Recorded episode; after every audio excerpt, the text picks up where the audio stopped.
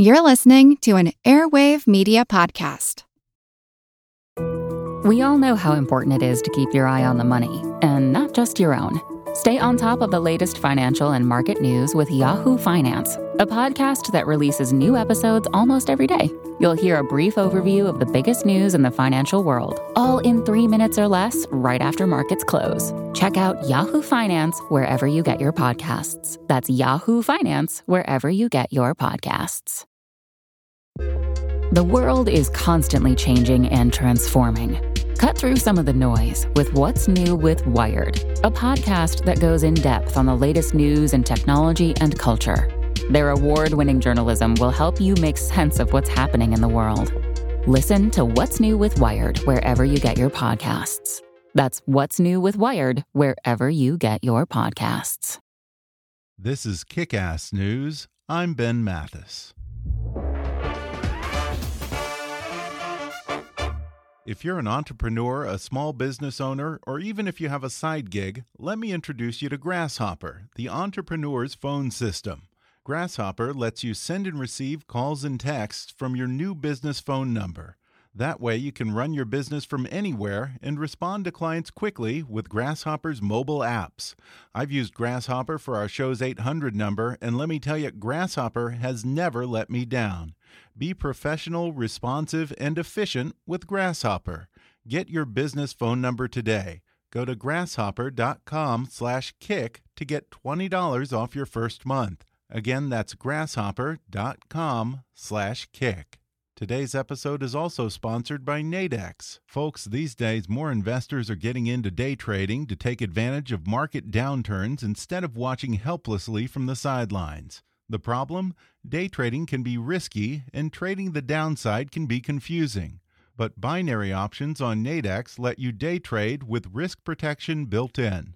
You decide your maximum risk and reward, and you can never lose more. And trading downturns is just as easy as trading rallies. Try day trading for yourself on the first and largest American binary options exchange. Trade stock indexes, commodities, forex, even economic numbers. See why over 100,000 members choose Nadex. Find out more at nadex.com. That's N A D E X.com. Trading on Nadex involves risk and may not be appropriate for all investors. And now, Enjoy the podcast. And people, people who are enormously dull, they know it. You know, they, at this certain point in their life, they realize they're a dull person. They're a dull person. And what they do is they they poke you. They, well, people will talk to you. So anyway, and they just annoy you, and they poke you and tap you, and you just you just want to deck them. It's just so anyway. the, uh, And I'm one of those people who does not like. Ooh, I know. To- to- I, to I be- thought of that halfway into the poke. No, there are a lot of people who do this. They'll actually, you know, do this. I got to tell you this. You know what I mean? Well, they I leave- watch you all the time. yeah. Walk. They lean. You get the leaners. They lean on your arm. They just kind of go. Actually, the more dull the story, the harder they lean. Because they, what they're doing is keeping you from fleeing. That's their whole thing. Because they know it's uninteresting. They go, so we moved all our savings to a CD. And go, oh, you broke my arm. Look at it. That's how dull that is. You broke my That's to keep you there, under control. Hi, I'm Ben Mathis. Welcome to Kick Ass News. That was actor and comedian Paul Reiser kibitzing on the couch with Johnny Carson during a 1987 appearance on The Tonight Show. Since first getting a guest spot on The Tonight Show in 1982, the same year he starred in Barry Levinson's classic film Diner, Paul Reiser made 25 appearances on The Tonight Show with Johnny Carson.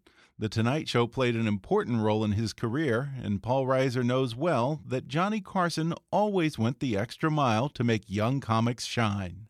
Now Paul Reiser is paying back the favor by bringing Johnny back into America's living room in a new scripted series centered around The Tonight Show in 1972, just after the show moved from New York to Burbank, California. With involvement and approval from the Carson estate, There's Johnny seamlessly incorporates original Tonight Show footage into every episode, building the plot around that night's show. The result is both a hilarious backstage comedy and a heartwarming coming of age story told through the eyes of Andy Clavin, a 19 year old kid from Nebraska who stumbles his way into a job on The Tonight Show working for his hero, Johnny Carson. Today I'll talk with Paul Reiser, who created There's Johnny with his Mad About You collaborator, David Steven Simon. He'll be joined by his fellow executive producer on the show, Jeff Sotzing, who is Johnny Carson's nephew and a former producer on The Tonight Show, and now acts as the keeper of the flame for Johnny as head of Carson Entertainment. They'll talk about meticulously recreating the look of The Tonight Show, both on stage and behind the scenes, why they decided that no actor could fill Johnny's shoes, and some of the true backstage stories that made it into the series, including the time Johnny Carson participated in an FBI sting to catch his own extortionist.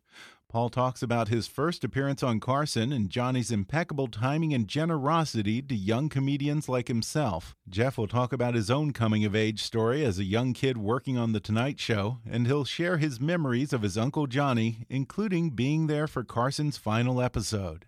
They'll share tales from the infamous Tonight Show writer's room, including the antics of legendary jokester Pat McCormick. They'll recall the rat packy coolness of the longtime Tonight Show producer Freddie DeCordova, played on the series by Tony Danza, and they'll pick their favorite moments from Johnny Carson's 30 years on television. Coming up with Paul Reiser and Jeff Sotzing in just a moment.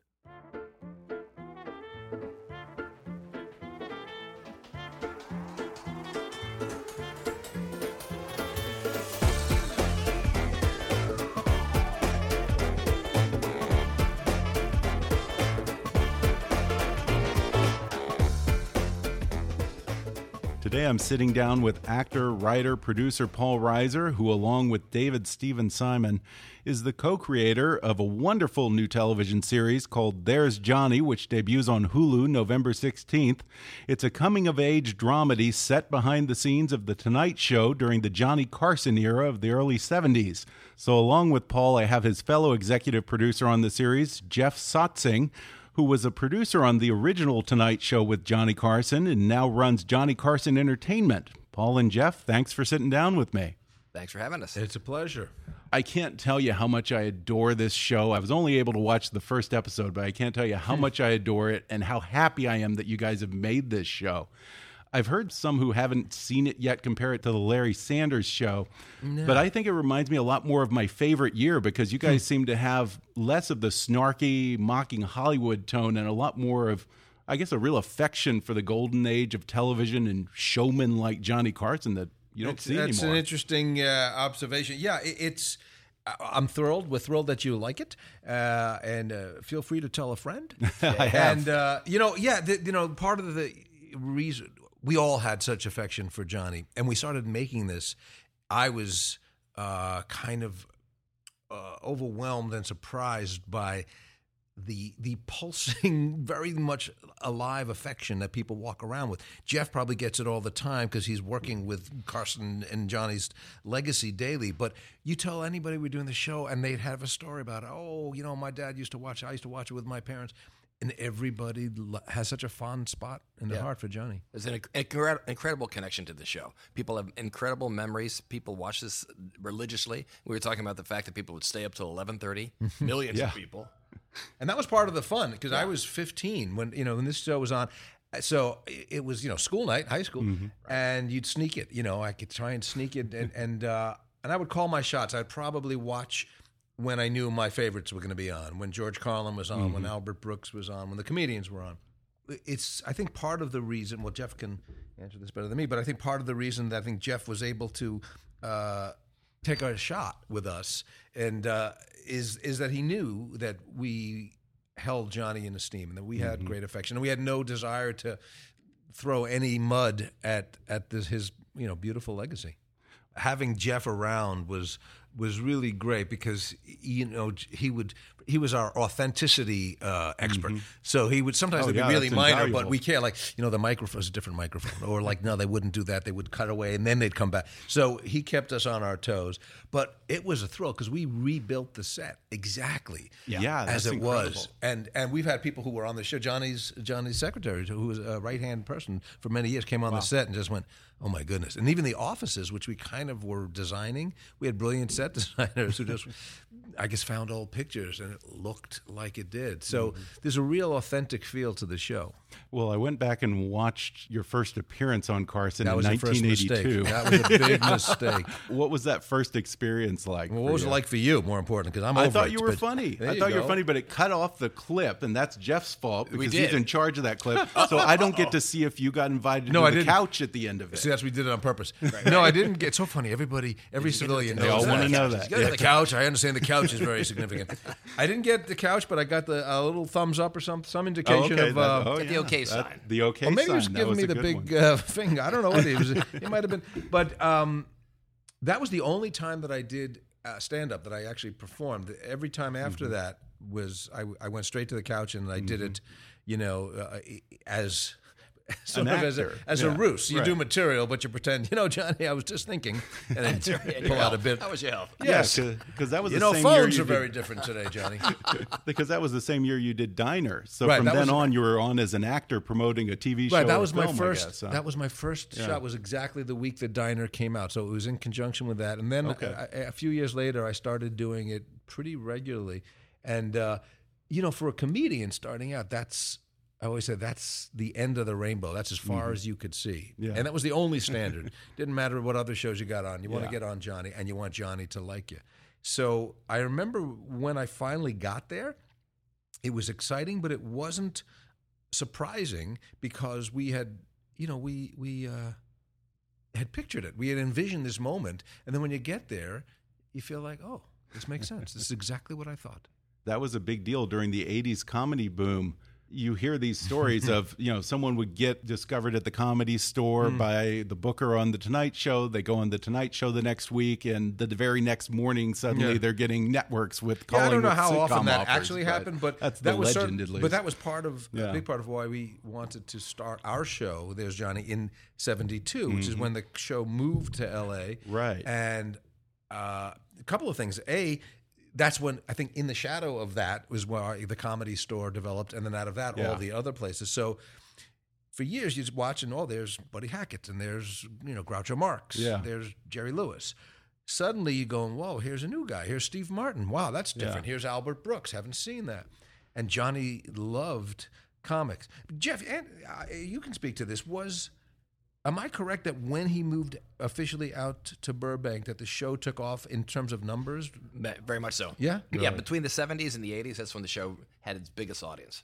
And what was that number? What, do you remember? I don't know the number, but I know that it, it was responsible for like 25% of the revenue for the uh, entire network. Is that right? It's huge, really huge. Twenty-five percent from one show Wow. at Yeah, eleven For a- thirty yeah night. late night show too Yeah. That's Wow. wild. That's And, it, and it's true that if you had a, a great stand-up uh, on the Tonight Show, you could you'd be working Las Vegas the next week. That's- yeah, that's and it deal. happened. And and and I'm uh, that wasn't my particular trajectory. I didn't wake up the next day with a career, but I certainly felt it out in the world Mm-hmm. that people saw you. But more importantly to me, is like other comedians saw it. I remember one time I was at, at the at the Improv Comedy Club out here. After I had done a Tonight Show, and Rodney Dangerfield, who had never spoken to me, came up and goes, "Hey kid, that was uh, quite a great, uh, great set, great shot. Johnny, Johnny really cracked up." And I went, "Wow, Rodney's watching.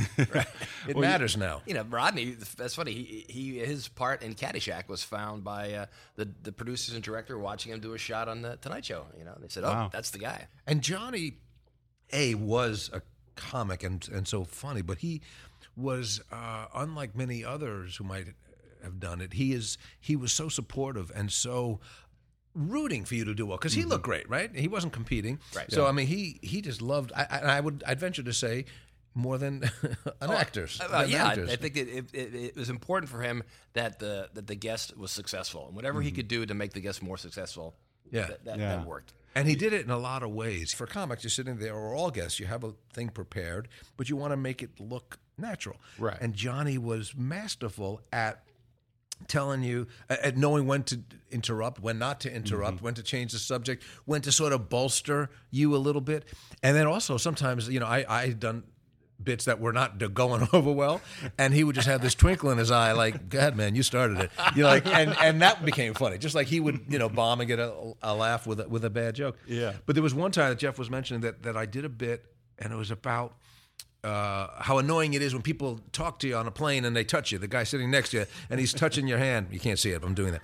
And and in my head, I, I don't know that I knew it, but I sensed that Johnny is one of those people did not like to be touched. As my guess. Yeah, I would But- imagine. But there was what a I heard. moment where I was about to do the bit, and he intuited that I it would have been funnier if I could lean on his arm, but his arm was not really close. So if he really wanted up, he just would have slid it over to towards me. But that would have been uh, kind of unsubtle and Yeah. uncool. And I didn't see it. I didn't notice it until I went home and I saw it on the air that night.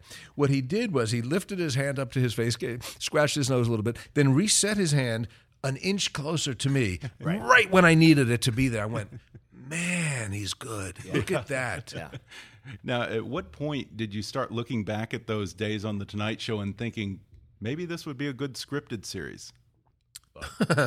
Did you ever? Um, you had thought about it, or, or people had approached you over the yeah, we years, had some, right? Mm-hmm. some different ideas of how to use this material, but uh, the fact that Paul was a part of the show and was Mm-hmm. so successful with Johnny and had such great chemistry, it just seemed to work. And the script that you and David put together was fantastic. Well, when we first pitched this to Jeff, and we said, uh, "Here's," because we knew it would. We really wanted to have the clips, and you couldn't do that. I think even if we didn't have, have show we, we would want the blessing of the Carson company.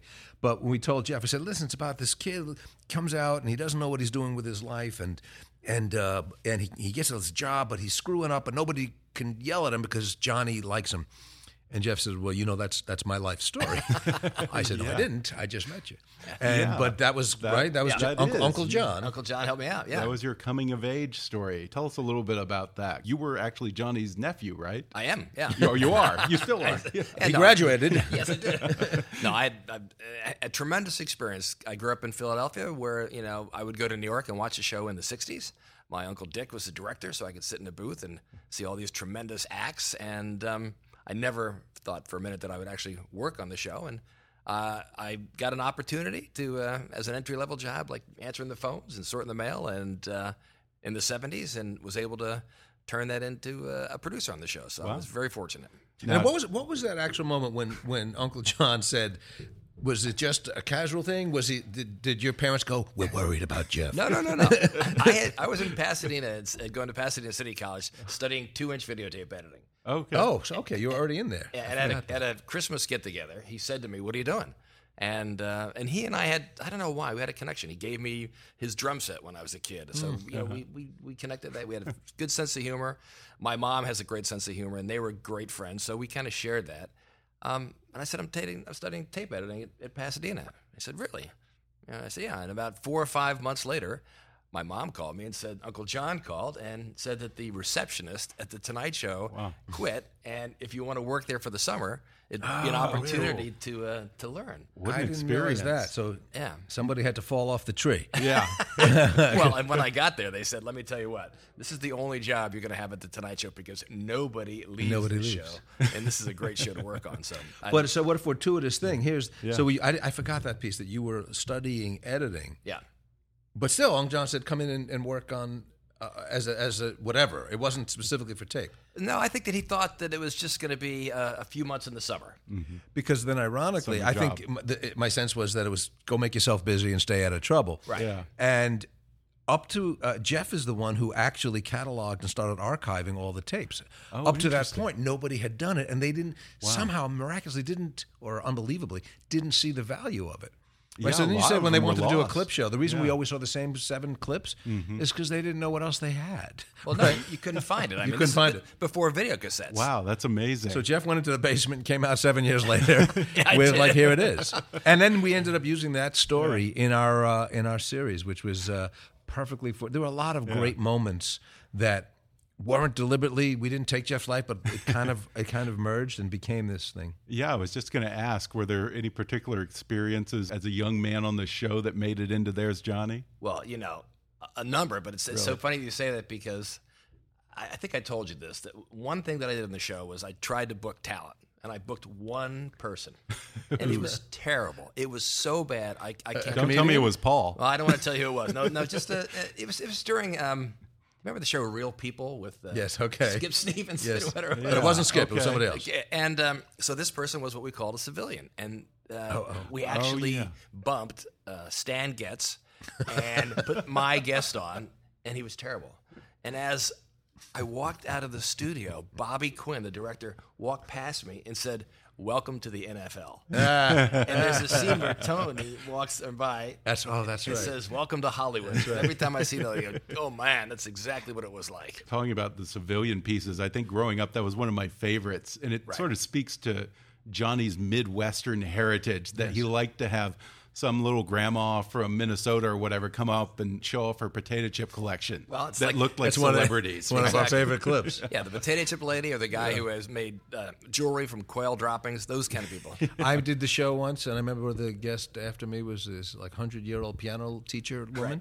But what but what also speaks to Johnny, you talk about his Midwest, but he was um, so many things at, at, to so many people, and they never conflicted. He was hip. He was you know he got Albert Brooks. He got the really avant garde comics. He loved the jazz guy. He loved singers. He could totally you know so he was he was conservative. He was edgy. He was a little bit bad boy, but he was and he never uh, it's not like he changed hats he just was himself and in a way that and, and and then of course with the civilians you never felt like they were being patronized as they might Right. be today. Right. like johnny just made them feel at home or little kids like he just uh, was so rock solid. And and that was a great fun in researching and looking for clips. We just you know would sit, we'd get lost and like okay we were watching clips for six hours. We should maybe write something. Yeah. but it was all fascinating Well, like when when Joey Lawrence comes on, who's like seven years old on the show, and Johnny says to him, "Have Have you ever seen this show before?" And he says, uh, "Once when I was up vomiting." this is great. You can't, you can't write that stuff. Yeah, well, yeah, that makes me think of the lead actor in this show who plays Andy Clavin. He's only 22. Now, Ian Nelson. Had he, did he have any reference for the Tonight Show with Johnny Carson when he came on this project? It's interesting. Uh, he he did, and and he's really a terrific actor, and, and, and did his research, and and we were so lucky to find it because he really kind of is this kid. He's just this sweet kid who is thrown into this world, and he's just trying to do his best. The character, but we had a lot of uh, actors exactly that who came in. They were 22 and said, "Yeah, I didn't know who Johnny Carson was." I went, "Are you kidding me?" And I thought, well, okay, he's been off the air 25 years, I suppose. But I don't know. I still feel like yeah, I knew who the Marx Brothers were. They were they were Yeah, done yeah. when I got there. But you you know you do you, you do your homework. Right. You you, you should you should know in, in all in all creative world you should know what came before you. You know, in my day, Jeff, I'm starting to become that cranky guy. But there were there were people who, you know, that's another part of the exciting thing for for me, is you know you don't have to know Johnny Carson to watch to know this show to enjoy this show. True. So It's there are many great people like own. us who will go, oh, I love Johnny. Let's see what this is, and then you get hooked, hopefully, by the characters in the story. But for those people who are coming in who know nothing, they're going to leave going, "Oh, he's really good," and look who he had. And and so we're getting to introduce Johnny in, in a really fun, unique way. So you're not worried that millennials might not come to the show because they don't No, have that that's base reference. No, you know, because again, I mean, Johnny is a big, glittery, uh, uh, sparkly bauble on this show, but it's not about Johnny. It's about that world. And when I was a kid, I go, I, it's it's sort of like you, you're going through your TV into this show, and just with this kid, he was in, in our character uh, who plays Andy. You know, he's sitting in his house in Nebraska watching Johnny, and 24 hours later, he's there on the set. It's like it's as if he fell through the set. And um, I, to me, you know, the show is really it's about these really interesting characters. So I, I think you don't have to know anything. I think I think the millennials come in and watch it, and there is there's a there's a surprise factor. I think this show is really hard to categorize. it's Yeah, a I agree. comedy for sure, but there's a lot of moving parts and there's a lot of drama and a lot of surprises that I think are well earned because you like these people, you know, and that's with any good TV show. You come every week because you like those characters. Now, one person who's not portrayed by an actor on the show is Johnny Carson. You see him in the clips, but you don't actually have an actor playing Johnny, nor do you have uh, Ed, Ed- McMahon yeah, or or Doc Doc. Severinsen. Was it just that those shoes were too big to fill? Yeah, I think that very early on, we we all felt. I mean, we didn't even discuss it. It just felt like, why would you want to do that? And it's gonna. And, and then it also it shakes the reality because here's Johnny. We have Johnny. So why would you now have a guy? There are a couple of things we see it in a long shot and it's a blurry guy. He's about Johnny's height Yeah. with gray hair and a nice suit, but. That's just to sort of to give you the sense of reality. But um, no, Johnny was so in our homes and in our living rooms, in our bedrooms, you can't really fake it. but also my perspective, and I, you know, as gracious and as uh, welcoming as he was to me, we never hung out. You know what I mean? I was, and I don't know if this was this way, Jeff, in the '70s, but when I was there in the late late '80s and then in the '90s, uh, you know, there was security. And when Johnny moved from dressing room to makeup to wardrobe, wherever he moved, everything was on lockdown. Like there'd be a guard in the hall, like everybody calm down, you know, and you just sensed it. Yeah, right, Right, and you just sensed, and, and so literally all I would see, and I was there, I'd see a shoulder, I'd see a gray hair. Oh, there he went. And and it was exciting. It was like the president, you know, like the entourage is moving, and there's Johnny, and that's that's where we got the name. It's like there he is. Yep, he's just in the air, and he's huge, but you didn't really see him. Yeah, I've heard that a lot. That he would come in later in the day, he would, you know, get ready, do the show, and he wouldn't hang around after hmm. that. He was kind of a ghost, and Yeah. you know, there's some writers who claim that they never even met Johnny when they were working. No, on I don't think so. The writers No? met it for Oh, sure. okay. But he definitely, you know, was a it was a well-oiled machine. He had it down. He's, And who ran it? Was that would that be Freddie? yeah, Freddie Freddie and DeCordova. Peter Lassally. Hmm. Freddie DeCordova, the producer of the old Tonight Show, and he's played brilliantly by Tony Danza. What was Freddie like? Did you guys ever interact with him?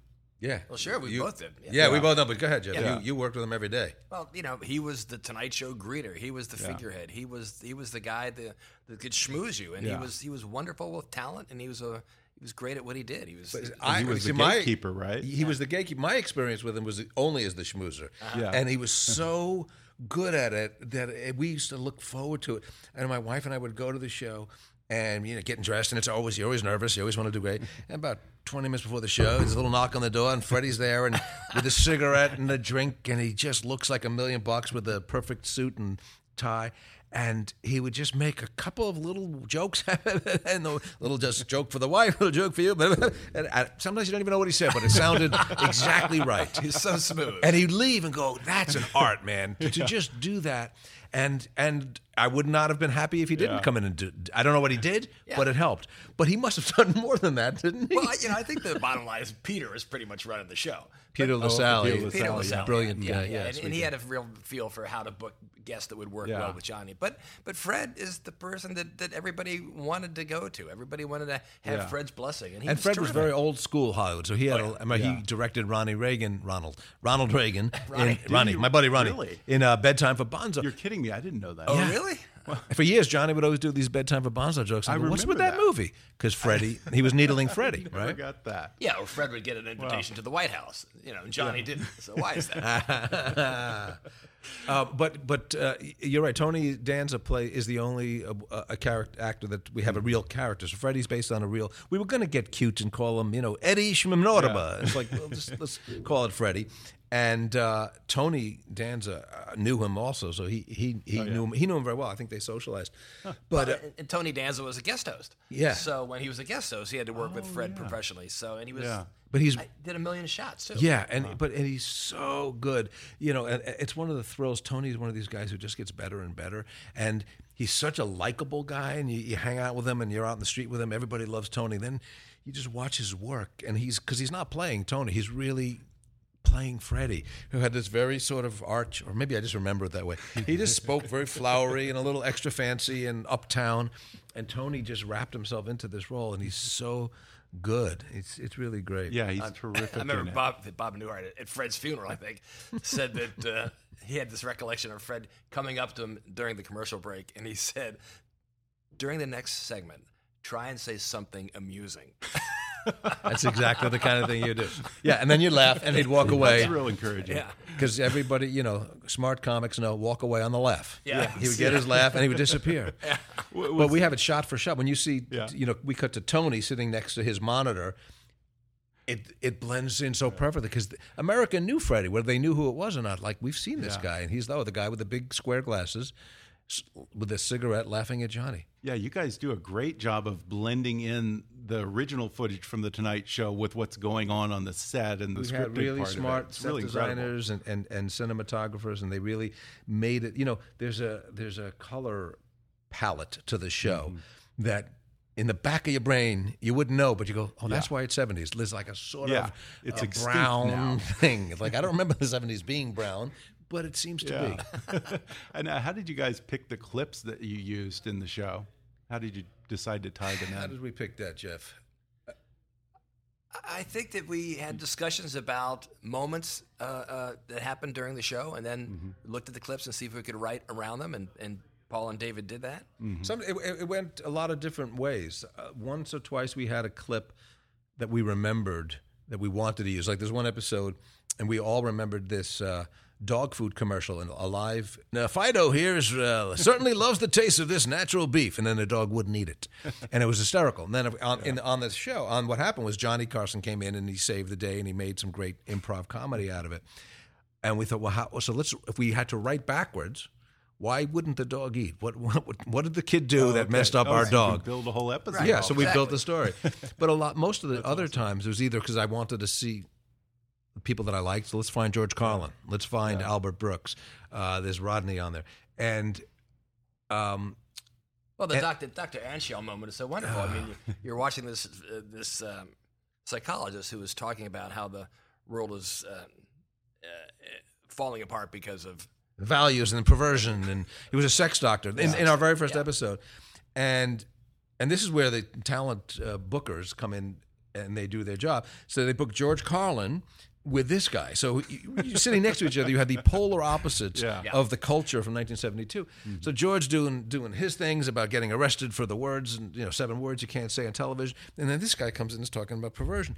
So you can just sense the audience going, "Oh, George, you got to get at this guy, straighten this guy out." And then there's a shot, and we kept it in there of Johnny. As the sparks were flying, Johnny just looks in the camera and sort of winks, like, "How about this? Ain't this fun?" And you go, "Oh, son of a gun! They knew it. They knew this Oh, would yeah. be fun." And as friction is as frictiony as they got, there was a civility. And Yeah. at the end, which we didn't weren't able to keep this in our show, but at the end, the very last shot of that show, of the actual Tonight Show, George extends a warm hand and says, "Forgive me if, if I if I seemed rude. I was really just trying to understand you, man."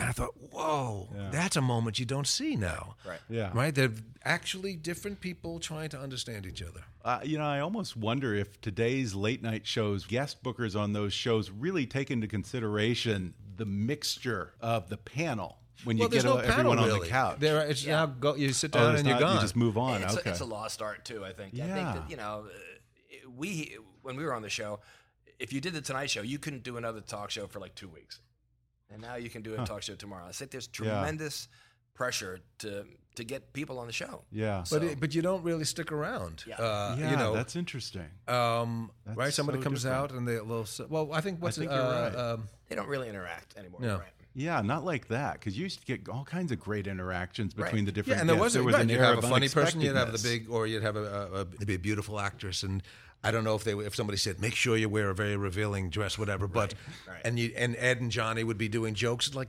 not quite raunchy, but everybody knows, and yeah. probably the actress knows too, but, or the model, whatever. But they're playing, you know, playing the role of of, of the sexual object. So these double entendres are flying overhead. And you wouldn't do that now, and you certainly wouldn't do it this month. Yeah, um, Right. um, but yeah, so so and that was so to the, answer your original question of uh, how do we pick the clips. Sometimes we just looked for clips that gave you a taste of what the world was like Yeah. then. So there was one.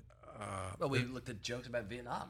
yeah, when we were looking for a Vietnam joke, we couldn't find anything with really any bite to it because Johnny didn't do that. Johnny, if he did a Vietnam, it would be about oh how you know uh, how badly uh, Henry Kissinger's flight was coming back. He, he Yeah. wouldn't take sides. And we wrote a scene that Tony Danza did beautifully, where he lectures the comics. It's like you don't don't ever make a joke like that. You don't. Do you even know what Johnny thinks? No, you don't, because Johnny. And you're thinking, yeah, no one, no one knows. Right, No, nobody knows, and you can did. and you Yeah. can project Right. onto him whatever it is that makes you comfortable. which is so different than today, where all of the late night comics are probably rightly so are piling on to Donald Trump. But I don't think Johnny would have ever done that Well, because he played both sides. Right, the story Everyone about- was fair game. They were they were giving it to Richard Nixon in the monologue, and, and there was a story Yeah. that Nixon was up late and drinking and was very upset about that. And Johnny said, "That's it. No more. We're not doing any more Nixon jokes." Wow. When he was in office, When it was office, yeah, they were hammering him. Pretty no good. more Nixon jokes. no more. really? Yeah. That's why I stopped doing them. Yeah. Also, it's it's a little too late, but I got a good one if he comes back. comes back. Yeah. Yeah. Did Johnny ever sit with the writers and punch up the jokes? Or You know, uh, because the show was on for so long, I think they did it originally in New York, and they kind of stopped in the 70s. And then when I became uh, the associate producer and the producer, we had regular meetings with uh, Johnny at his house. So every week we'd go to his house and we'd sit around and in the, spitball in, ideas in the afternoon, in the morning, in the morning. every Monday, every Monday morning. So we had a, we have a thing. It's in uh, I think our second episode where uh, the kid has to get the jokes to Johnny's house, and I think that was based and and the, in the show true, it's like yeah. he had to be there at twelve, not five after twelve, not five before twelve, at twelve, At and the- 12 on the dot. and that was literally the way it was. Yeah, basically there was a team of three or four different writers who would write four or five monologs, and they would give them to the receptionist, which I was at the time. call him, call a, uh, a messenger. The messenger would pick up the envelope, drive the the the uh, the envelope to Johnny's house in Beverly Hills, and then Johnny would come in with the envelope and the monologues circled with. Uh, uh, the, the, sh- the the jokes that he liked and an order yeah. and a number. Wild. I mean, you've I should You, bring you that in sound like Johnny, by so the way, right now. That's wild. But we had You're uh, embodying there was a him. joke, a line that we put in the show where the kid they need somebody, and the writers don't want to take it because it's like Yeah. they'll shoot the messenger. Oh, so yeah, like, yeah. so give it to this green kid, the new kid. And uh, as he's running out the door, he says, "You." Writer says, "You cannot lose this. If you lose this, America will have no jokes tonight. Do you want America to have?" And that's what it was. So as you, even as you're sitting here now, telling me they sent a messenger, I'm going, "A messenger? That can go wrong." Yeah. they didn't have a guy who just wow. There's no, No fax email machine. back I can remember when, fax. when we Right. finally had a fax machine. Okay, so we could actually fax the monologue to Johnny's house, and he would come in with these stacks of paper. Remember how it was all curled? Yes, yes, Oh, yes, said, yeah. How, how do you how do you change toner? Well, I, I need toner. What does that mean? The writer's room does feature pretty prominently, and there's Johnny. You see them nervously waiting to see their jokes go over, see how Johnny delivers his monologues, and whether it's a Yeah, you flop live or and a die. hit. You live and die, and literally Yeah. they, would, Yeah. they would get fired, right? At some point, Thirteen weeks. That's every thirteen weeks. Yeah. So th- not- they wouldn't get fired every thirteen weeks, but you were oh, you were vulnerable. Some guys did. right? Some people Some- did. Yeah, I've heard. I had Al Jean and Ed Weinberger on, and they said, yeah, Johnny would fire you and then rehire you six weeks later. Maybe maybe he's funnier now. Yeah, they said their their fortunes literally did rise and fall with every monologue. It, it has to have been pretty nerve wracking to be a writer on the Tonight Show, huh? Yeah, well, and we had a lot of fun with that because it's such a uh, a shared experience. So Mm-hmm. you know, everybody, and really everybody in the in the production is just you just want to make this show great, make Johnny Yeah. look good, make Johnny happy. Anything short of that is bad. so you're just walking on eggshells, and it's different really than uh, most workplaces. It's like it's make this guy shine. Now, one writer on the show who got a little bit more leeway from Johnny was, of course, the legendary Pat McCormick. Jeff, I've heard all kinds of Pat McCormick stories over the year. Do you have a particular favorite? Uh, Or did you did you was, was he around during your era there? oh yeah, for sure. You But interacted. he, he was never a regular. He had sort of a, a, a sort of specialized position, didn't he? He was just come and go. I mean, he was there for a couple of years when I was what I there. Yeah, yeah. And he had some memorable moments at some parties. So Yeah, he was. He and and America would know. I mean, he was he was big. He was like six four, six six, Yeah, huge guy, and crazy funny. Yeah. And we actually had a cat. We had a Pat McCormick character in the story, and then we ended up just sort of trimming it, and we didn't know who he is, and it just seemed so strange. But we did take one of his stories and amend it. Yes. So there is in there a uh, story that let's say is inspired in the Pat McCormick craziness. Can I? But I don't can't say it isn't.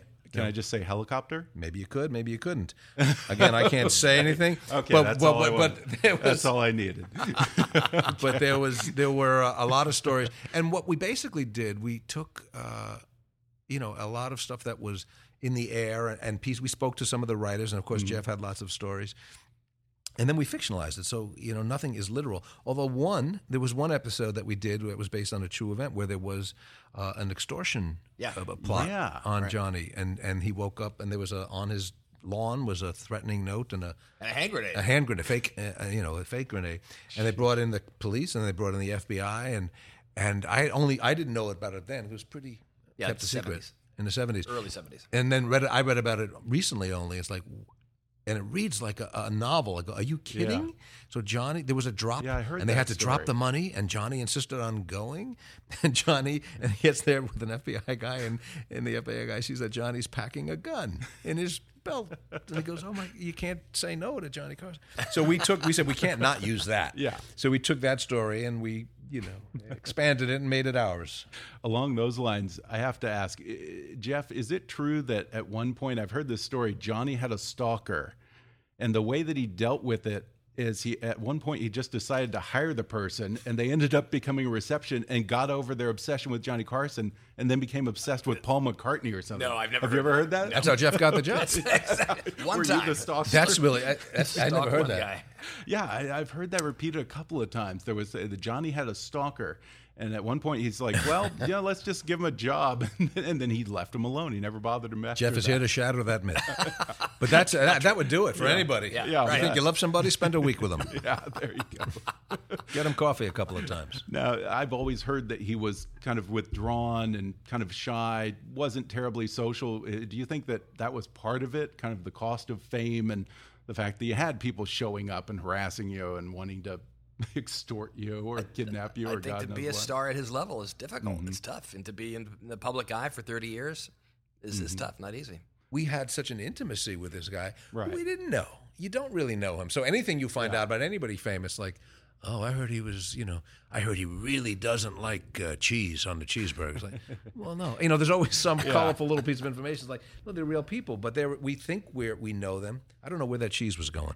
That was, I had a, I had a joke in mind and it went away. But, but that's uh, to his enormous credit Yeah. is that he was in our homes for 30 years, more 30 years, Oh, it 30 plus. yeah, 30 and plus. and it's an intimate relationship.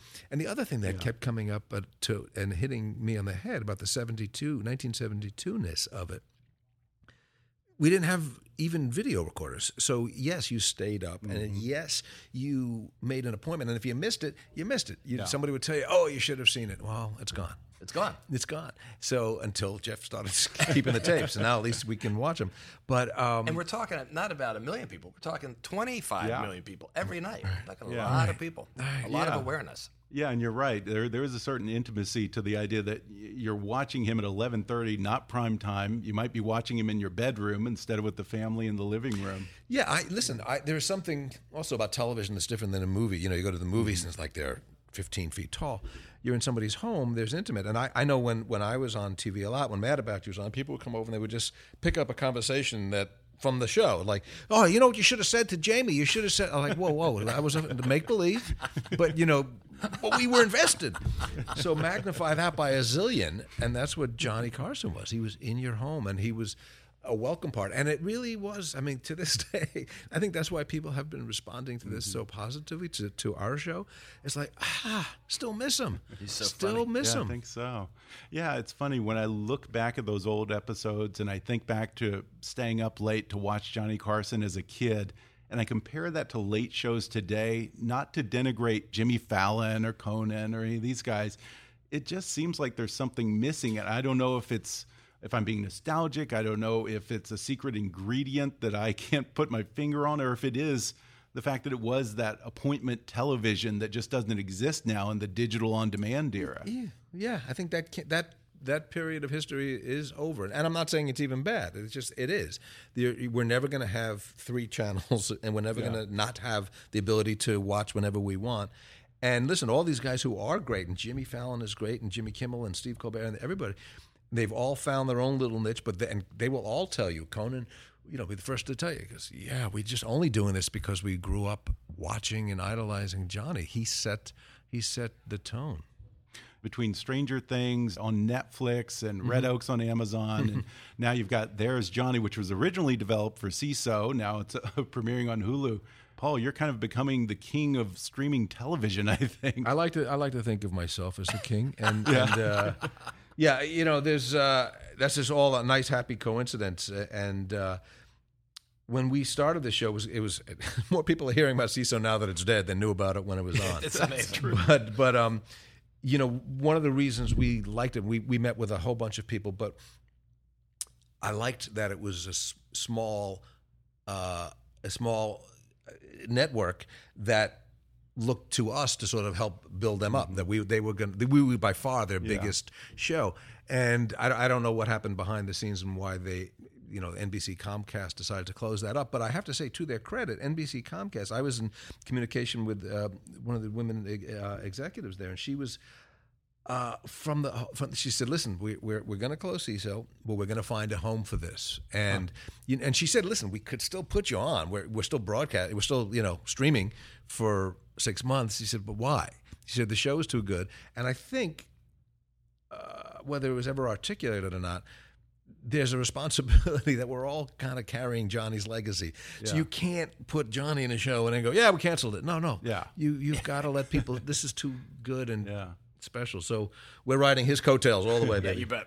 No, but but so I, I I I know they were talking to a lot of people, and when they finally landed us at Hulu, I thought that's perfect. That's perfect. At this point in your career, do you find the flexibility of this format, digital streaming media, and places like Hulu and Amazon, more appealing than doing a network sitcom like Mad About You again? Yeah, I think so. I, I think it's just nice to have more options. Mm-hmm. You know, you can, you know, you can have an idea for the ten episodes and then be done if you wanted. You could do two years. It's no longer. You don't have to come up with the gangbuster nine season uh, mega hit. So there's a lot. It's you know, people will say the downside is there's such a fragmented audience, but the reality is you can get around to it all. You know, I know I watch shows that have been out for a year or two because I'm just can't get there in time. I think it was just two months ago that it was the 25th anniversary of Johnny's final show.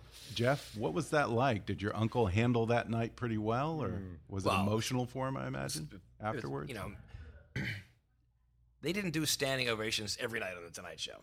They just did it every now and then. Well, for the last month, you Mm. got a standing ovation every night, and every every day the it got longer and longer and longer. If you watch the last show, uh, the monologue, the applause goes on for so long. He stands there and he says, "I, we, I can't do this anymore. It's, I can't do this anymore. It's, it's enough." Did you have to cut? When no, you aired? because we didn't edit anything. You never did. We never had the ability to edit. wow, And uh, Even at the end, you could no. really it was it was not even digital. because you still still had analog. To, and it had to be Yeah. on New York and yeah. two oh hours. yeah, Hour and a half, Hour and a half. So so it was it was, it was an incredible deal. It was Yeah. an unbelievable moment uh, to work on that show right across the street from where we're at. yeah. Did you know when he threw when he said he was going to quit and make it his last year? Did you have any heads up? Yeah, You knew yeah. Really? He's he told me that he was going to go and, and make the announcement at the uh, up fronts. the up fronts. Really?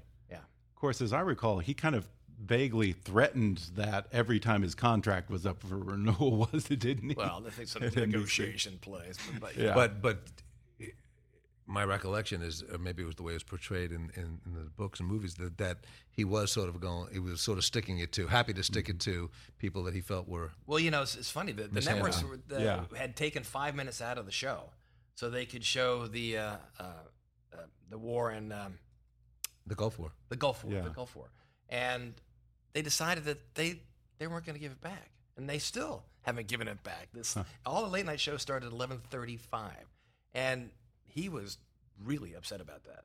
And when he found it out, when he was in New York, he said, "You know what? I was going to leave in October, but I'm not. I'm going to leave in May."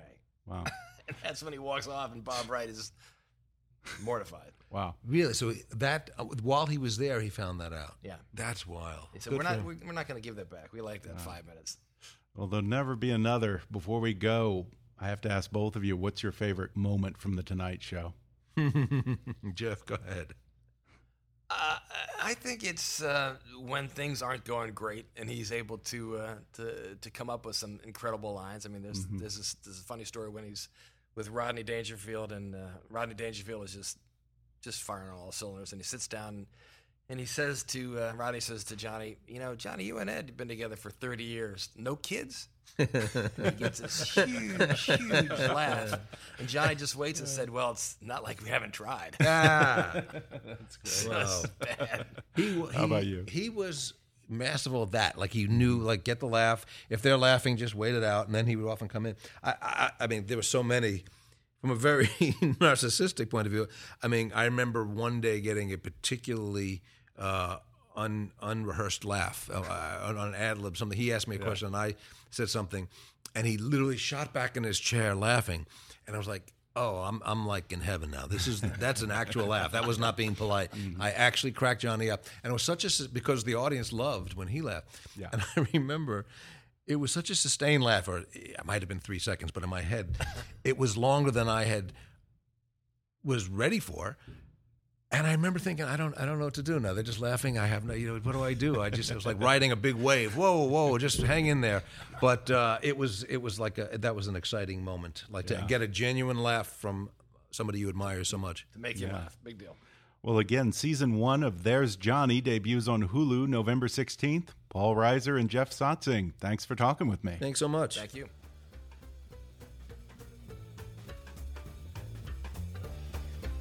Thanks again to Paul and Jeff for coming on the podcast. Season one of There's Johnny is now available on Hulu, and I highly recommend it. It's just a great show with a lot of laughs and a lot of heart, a great cast. It's wonderful nostalgia for a Carson fan like me, but it's also fresh enough to hold up on its own as well. Just watch the first episode, and I promise you, you'll love it. Keep up with Paul at paulreiser.com or on Twitter at, at paulreiser. And for all kinds of fun Carson related stuff, including memorable clips from The Tonight Show, visit Jeff's website at johnnycarson.com. Today's episode was sponsored by Nadex. You know, more investors are getting into day trading to take advantage of market downturns instead of watching helplessly from the sidelines. The problem? Day trading can be risky, and trading the downside can be confusing. But binary options on Nadex let you day trade with risk protection built in. You decide your maximum risk and reward, and you can never lose more. And trading downturns is just as easy as trading rallies. Try day trading for yourself on the first and largest American binary options exchange.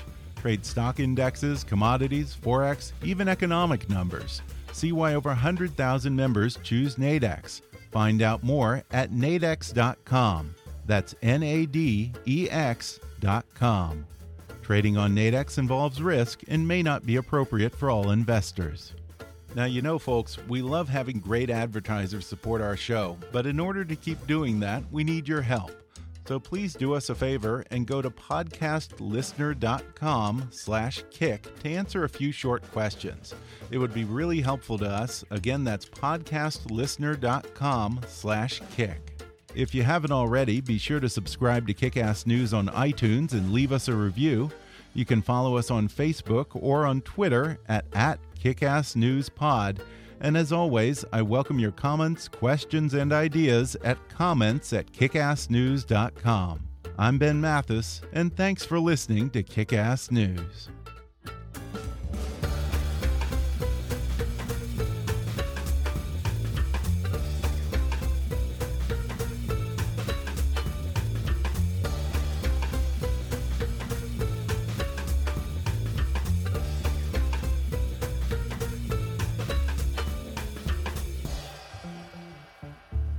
Kickass News is a trademark of Mathis Entertainment, Inc.